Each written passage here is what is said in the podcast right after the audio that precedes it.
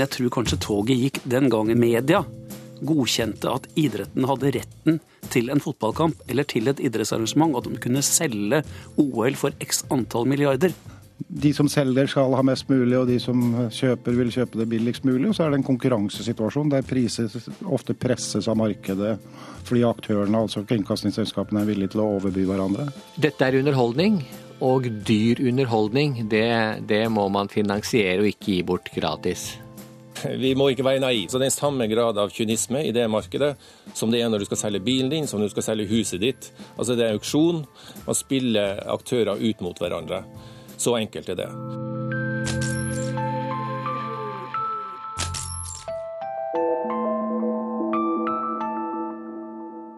Kurer.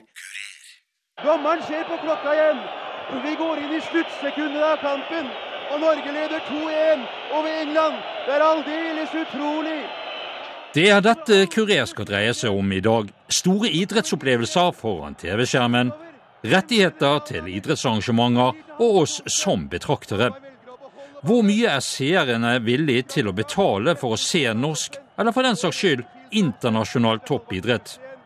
Hvor stor business er idretten, formidlet gjennom TV-ruten, blitt? Og er det tjenlig for idretten og oss som publikum at kampen om senderettighetene stadig blir hardere og prisen stadig høyere. Det er blodsrød! Det er blodsrød! Norge har slått England 2-1 i fotball. Vi er best i verden. Vi er best i verden. Vi har slått England 2-1 i fotball. Det er aldeles utrolig. Vi har slått England. England, kjempers fødeland. Lord Nelson, lord Beaverbrook, sir Winston Churchill, sir Anthony Eden, Clement Attlee, Henry Cooper, lady Diana. Vi har slått dem alle sammen. Vi har slått dem alle Harry Arne Solberg er professor ved Handelshøyskolen i Trondheim og har bl.a. sportsøkonomi som spesialområde. Han har fulgt kampen om senderettighetene over lang tid. Altså I Europa så skjedde jo et klimaskifte på slutten av 80-tallet som henger sammen med liberalisering av europeisk kringkasting. Uh, hvor det med å kjøpe rettigheter uh, gjorde sitt inntog. Uh, og Det er jo naturlig å, sammenligne, eller ta utgangspunkt i Storbritannia. Hvor BBC og ITV lenge hadde et samarbeid som var prega av ikke-konkurranse. Så ble det revolusjonert når Robert Murdoch gjorde sitt inntog eh, gjennom Be Sky Be, eh, hvor de kjøpte opp rettighetene til Premier League i 1992. Eh, som førte til en mangedobling av, av rettighetsprisen.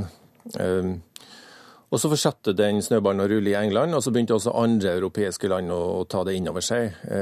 Hvor man begynte å, etter hvert som flere og flere land fikk flere og flere kommersielle kringkastere.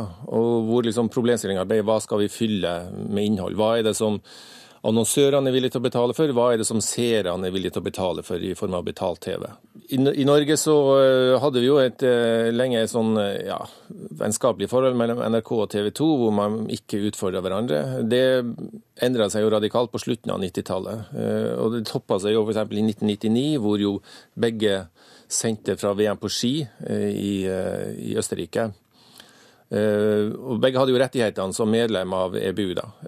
Det var jo en gedigen ressursløsning som ikke kunne fortsette med. da. Og så har man hatt, Etter det hadde en periode hvor de samarbeida, men så ble det jo igjen utfordra etter hvert som flere aktører. MTG kom inn på banen, Seymour, som det nå heter, som da heter Kanal Pluss, kom inn på banen og, og ville slåss om rettighetene. Og så hadde vi jo det her eh, en milepæl i 2005 med den såkalte milliardavtalen, hvor, eh, hvor det var en veldig sterk slåsskamp mellom TV 2 og Telenor på den ene sida, eh, NRK som da slo seg sammen med, med, med MTG, og så Kanal Pluss, som det da heter. Som endte det med at TV 2 kapra de rettighetene for en milliard kroner, som igjen var en massiv økning fra de tidligere rettighetsavtalene hvor ligger demokratiet i dette? Hvor ligger eh, fair play, også i det forretningsmessige, når det gjelder f.eks. Norges Fotballforbund, som man eh, anser som et felles folkeeie på den ene siden, altså norsk toppfotball, og eh, de kommersielle interessene på den andre? vi må ikke være naive.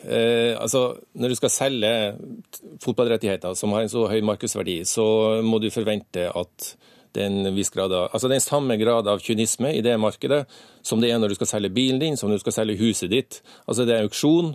Man spiller aktører ut mot hverandre. Så enkelt er det. Um, når det gjelder betalt-TV versus uh, frie kanaler, så vil det jo alltid være en sånn korreksjon gjennom uh, de inntektene man får fra sponsormarkedet. Sponsorene de uh, er jo interessert i størst mulig seerdekning, at flest mulig kan se kanalen. Så de er ikke så veldig begeistra for betalt-TV. Og det er jo en korreksjon som de som eier idrett, idrettsgrenene, alltid vil ta hensyn til og, og, og, avveie. da. Så kan det hende at noen ganger så bommer de, så, så viser det seg at spons, reduksjonen i sponsorinntekter blir sterkere enn, en de hadde forventa. Men her, her lykkes du! Her lykkes du for andre gang svingen. Mens eh, det blir en voldsom fight om sølvet, så er gullet i boks. Norge tar sitt andre gullmedalje for dagen. Aksel Lund klarte det i super-G. Marit Bjørgen tar 15 km. Det var 100 meter igjen. Kom igjen nå! På de siste meterne vi reiser oss i kommentatorboksen. Mange norske flagg her, og hun kan bare seife inn. Bjørgen kommer, Bjørgen kommer, og hun er bare 20 meter fra gull nummer to! Og går i mål og sikrer en ny norsk gull! Det femte gullet der! Og så er det sølv! Og sølvet går til Sverige. Eller blir det Polen, eller blir det Norge? Det blir Sverige. Dette var fra Marit Bjørgens gulløp på 15 km under OL i Vancouver, Canada i 2010. Et OL NRK hadde de norske TV-rettighetene til. De norske rettighetene til neste OL i Sotsji i 2014 besittes av TV 2. Bjørn Thålesen er sportssjef i TV 2, og slik beskriver han kampen om senderettighetene til de store sportsarrangementene det tidvis eh, kan vel eh, oppleves som en litt sånn cowboyvirksomhet. Mest fordi at det er veldig mange aktører, både agentselskap og kringkastingsselskap og selgere, som alle på en måte opererer på et uh, marked uh, der det er mye dealing og hviling uh, knyttet til rettigheter og forsøksvis kanskje at man ser etter allianser og at man de som selger skal ha mest mulig, og de som kjøper vil kjøpe det billigst mulig. Og så er det en konkurransesituasjon der priser ofte presses av markedet fordi aktørene, altså kringkastingsselskapene, er villige til å overby hverandre. Ja, og det, det vet jo selvfølgelig eh, selger at uh, idrett er veldig viktig for, uh, for TV-industrien. Ja, det er helt opplagt en av de driverne i TV-bransjen, kommersielt TV spesielt. Og sport har jo også den siden at det er en eh, helt avgjørende eh, del av eh, betalings-TV-virksomheten. slik at aktørene er jo ikke bare de tradisjonelle som kanskje er ute og kjemper om Hollywood-titler på serier, på ordinære programmer, mens det på sport vil være veldig også mange andre aktører fra TV-sida, spesielt da knyttet til det som jeg sier på, på pay-TV. Og så er det jo slik at jo mer man betaler, eh, jo mer må man da tjene inn da, for å, å holde skipet eh, gående, så å si, eller flytende.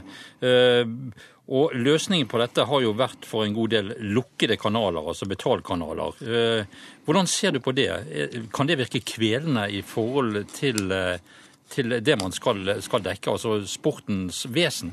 Ja, og det er nok veldig viktig å finne den balansen mellom hva som skal tilbys fritt, og hva som skal ligge bak betaling. Og det er på en måte den balansen og den terrorbalansen mellom de to som gjør dette markedet veldig sånn skiftende, og at man skifter mening kanskje omkring det òg. Fordi at uh, idretten er jo veldig prisgitt uh, en sånn total oppmerksomhet, men samtidig så er også idretten glad i pengene dette gir. sånn at Å finne den balansen mellom hva folk skal få betale for, og hva man eh, da skal gi bort fritt for å markedsføre det man holder på med, for igjen å skape verdi på bl.a. sponsorsida, så er det en, eh, det er en sånn stadig uh, føljetong som aldri slutter.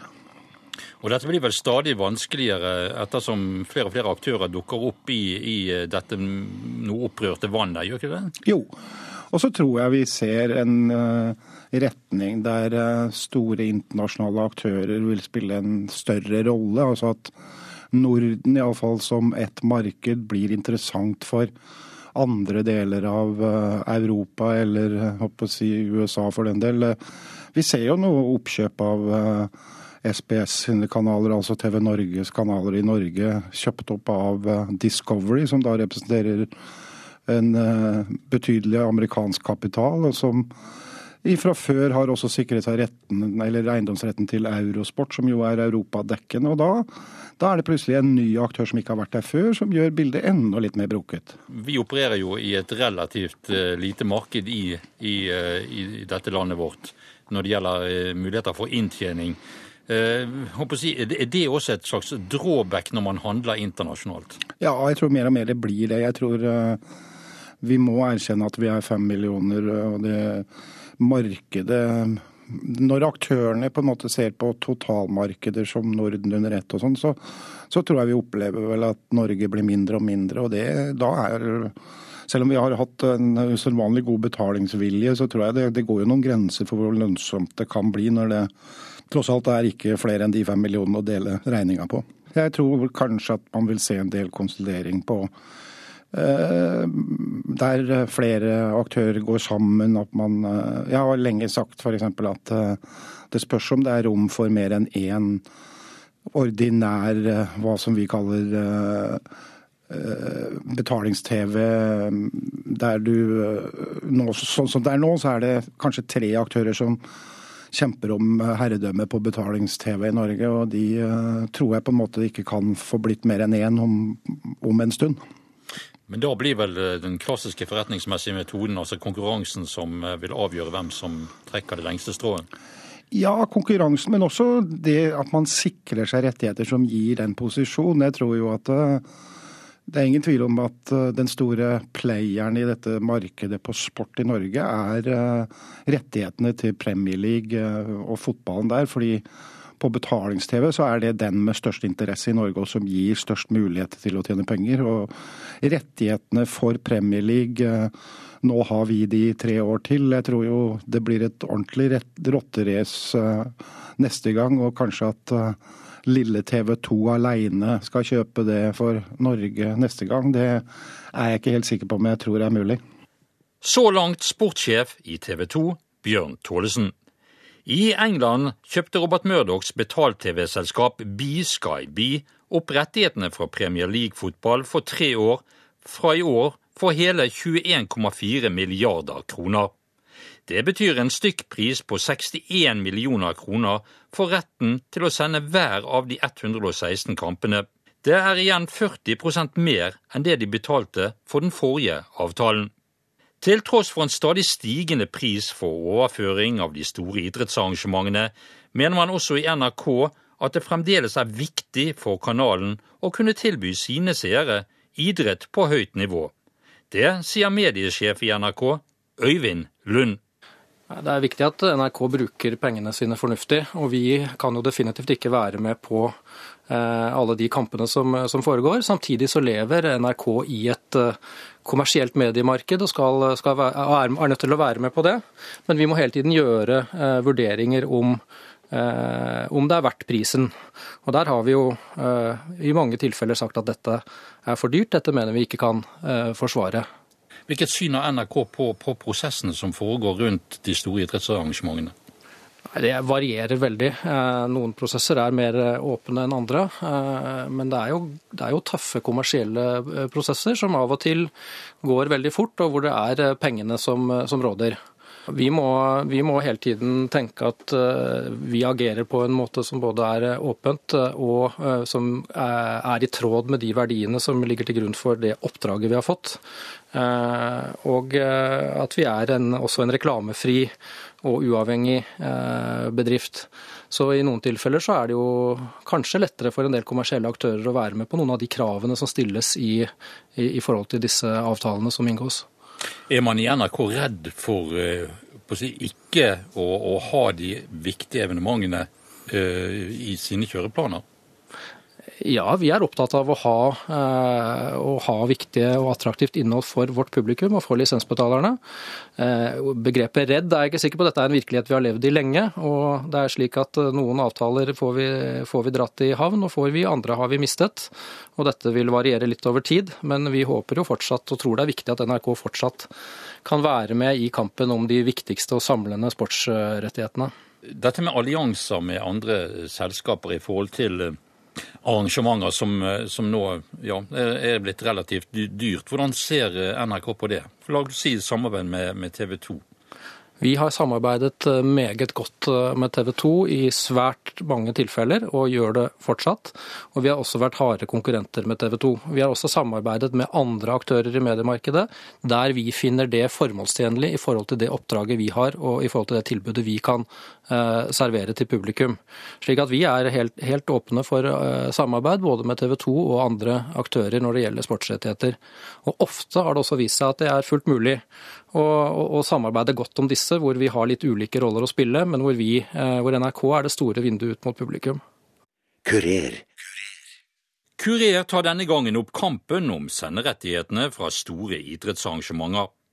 Rettighetene går for milliarder, og de som kjøper, vil ha igjen pengene sine, og vel så det. Hva sier så forbrukerne? Samfunnsdebattant og skribent Arild Rønsen er kanskje mer enn gjennomsnittlig interessert i idrett, og han er oppgitt av utviklingen som han mener kompliserer og fordyrer idrettsopplevelsen for forbrukerne. Det blir vanskeligere og vanskeligere for, for, den som skal prøve å oppleve ting foran skjermen.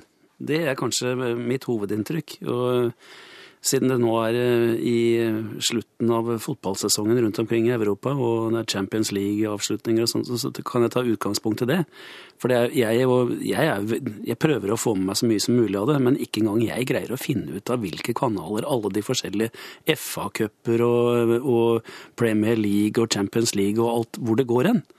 Sånn at det er blitt vanskelig å orientere seg, og den som skal ha med alt, eh, sitter jo igjen med en ganske klekkelig regning etter hvert. Du, skal man ha med seg alt innenfor fotballen nå, så snakker man oppimot en eh, tusenlapp i måneden, tror jeg.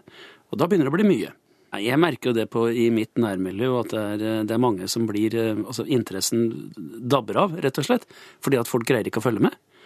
Og, og det, er, det, er, dårlig. Og når, da, altså når vi ser nå på, på, på de seertallet fra Seymour Nå sier jo riktignok dem at den lever av abonnementet og ikke av tilskuertall, for å si det sånn, men, men når det er 15 000 som er inne og ser på Vålerenga-Strømsgodset, så skjønner jo alle at det er katastrofe.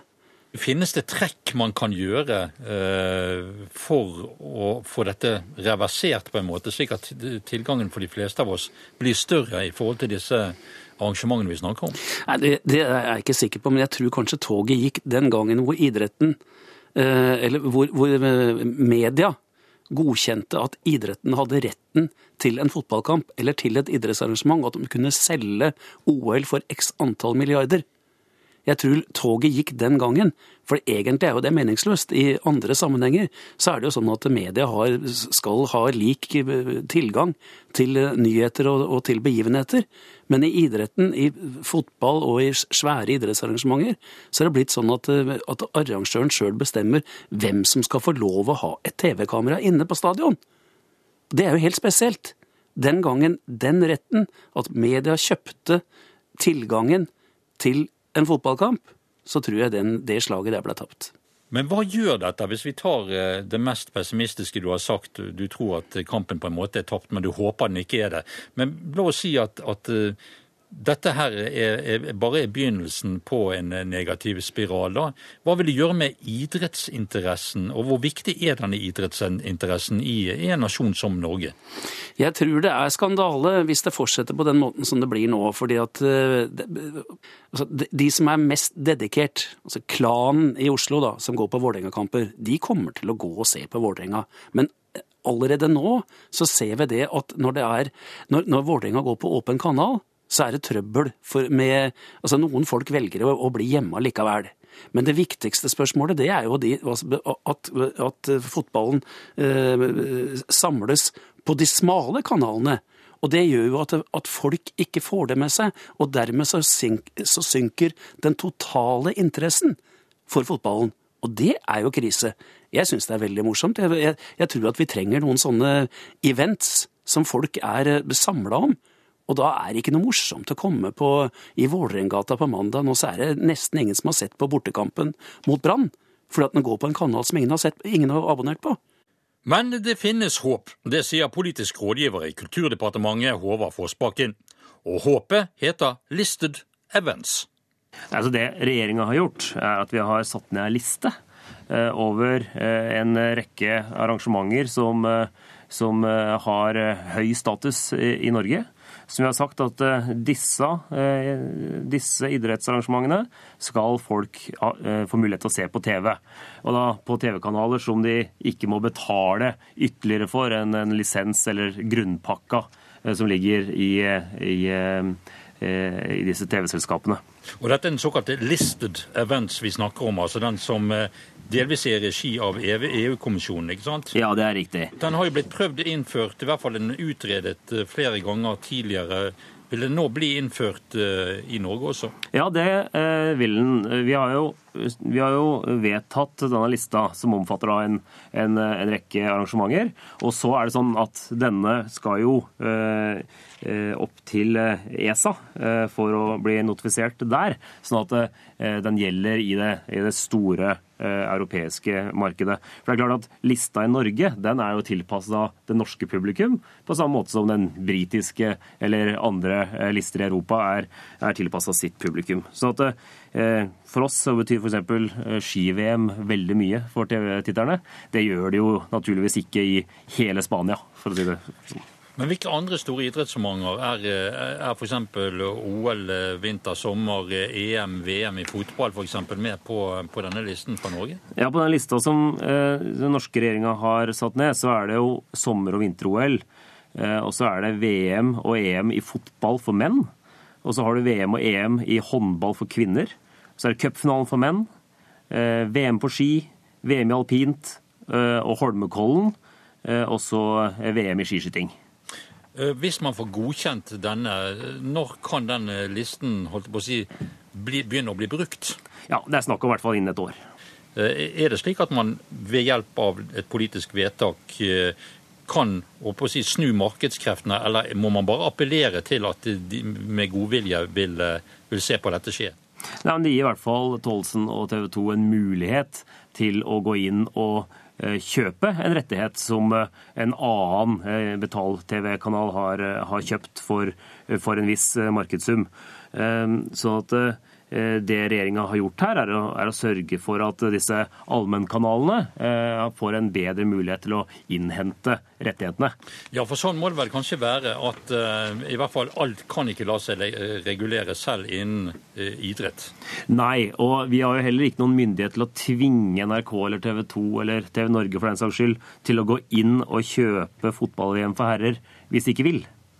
Sånn at det, det ligger jo fortsatt et, en, Eh, en markedsmekanisme i bånn eh, av, av, dette regimet også. Men eh, det gir i hvert fall en, en god mulighet til at f.eks. NRK på redaksjonell grunnlag kan gjøre et sånt grep. Ola Bernhus er kommentator i Aftenposten. Han har fulgt utviklingen av og kampen om rettighetskjøp og senderettigheter innen idretten tett i mange år. Problemet for sporten er jo at det gir mindre eksponering. Og um, så sier noen da at ja, men da kommer det flere tilskuere. Erfaringen viser jo det rakt motsatte. Og eh, det oppstår problemer i forhold til sponsorene. Sponsorene står fortsatt for tre fjerdedeler av idrettens inntekter, og de vil ha eksponering på fjernsyn for å få fram sitt merkenavn. Og der ligger idrettens problem egentlig. Nå har vi noe som heter listed events, altså en regulering eh, som flere europeiske land har, har gjennomført. Er dette en fordel å, å slutte seg til slikt, eh, en slik liste? Eh, slik det er nå, men også den kampen blir interessant å følge. For det vil jo bli da spørsmål om en ideell fordring, og i hvilken grad kan regjeringer og EU gripe inn og kreve at idretten selger seg til kanaler som ikke betaler mest. eh, vil kanskje også her de som har mest penger å by, også i framtida overta dette her, fordi man ikke klarer å stå imot. Og så kan man også spørre er det en samfunnsoppgave å sikre at flest mulig får se et fotball-EM? Eller er det viktigere ting staten bør blande seg opp i? Altså, Det er ingen tvil om at eh, det er slik vi vil ha det, både TV-seere og um, ja, idretten òg, tror jeg. Fordi at det gir større eksponering og større sponsorinntekter. Men jeg tror kanskje at det er sterkere krefter som um, kommer til å rive og slite i, i den ideale fordringen framover.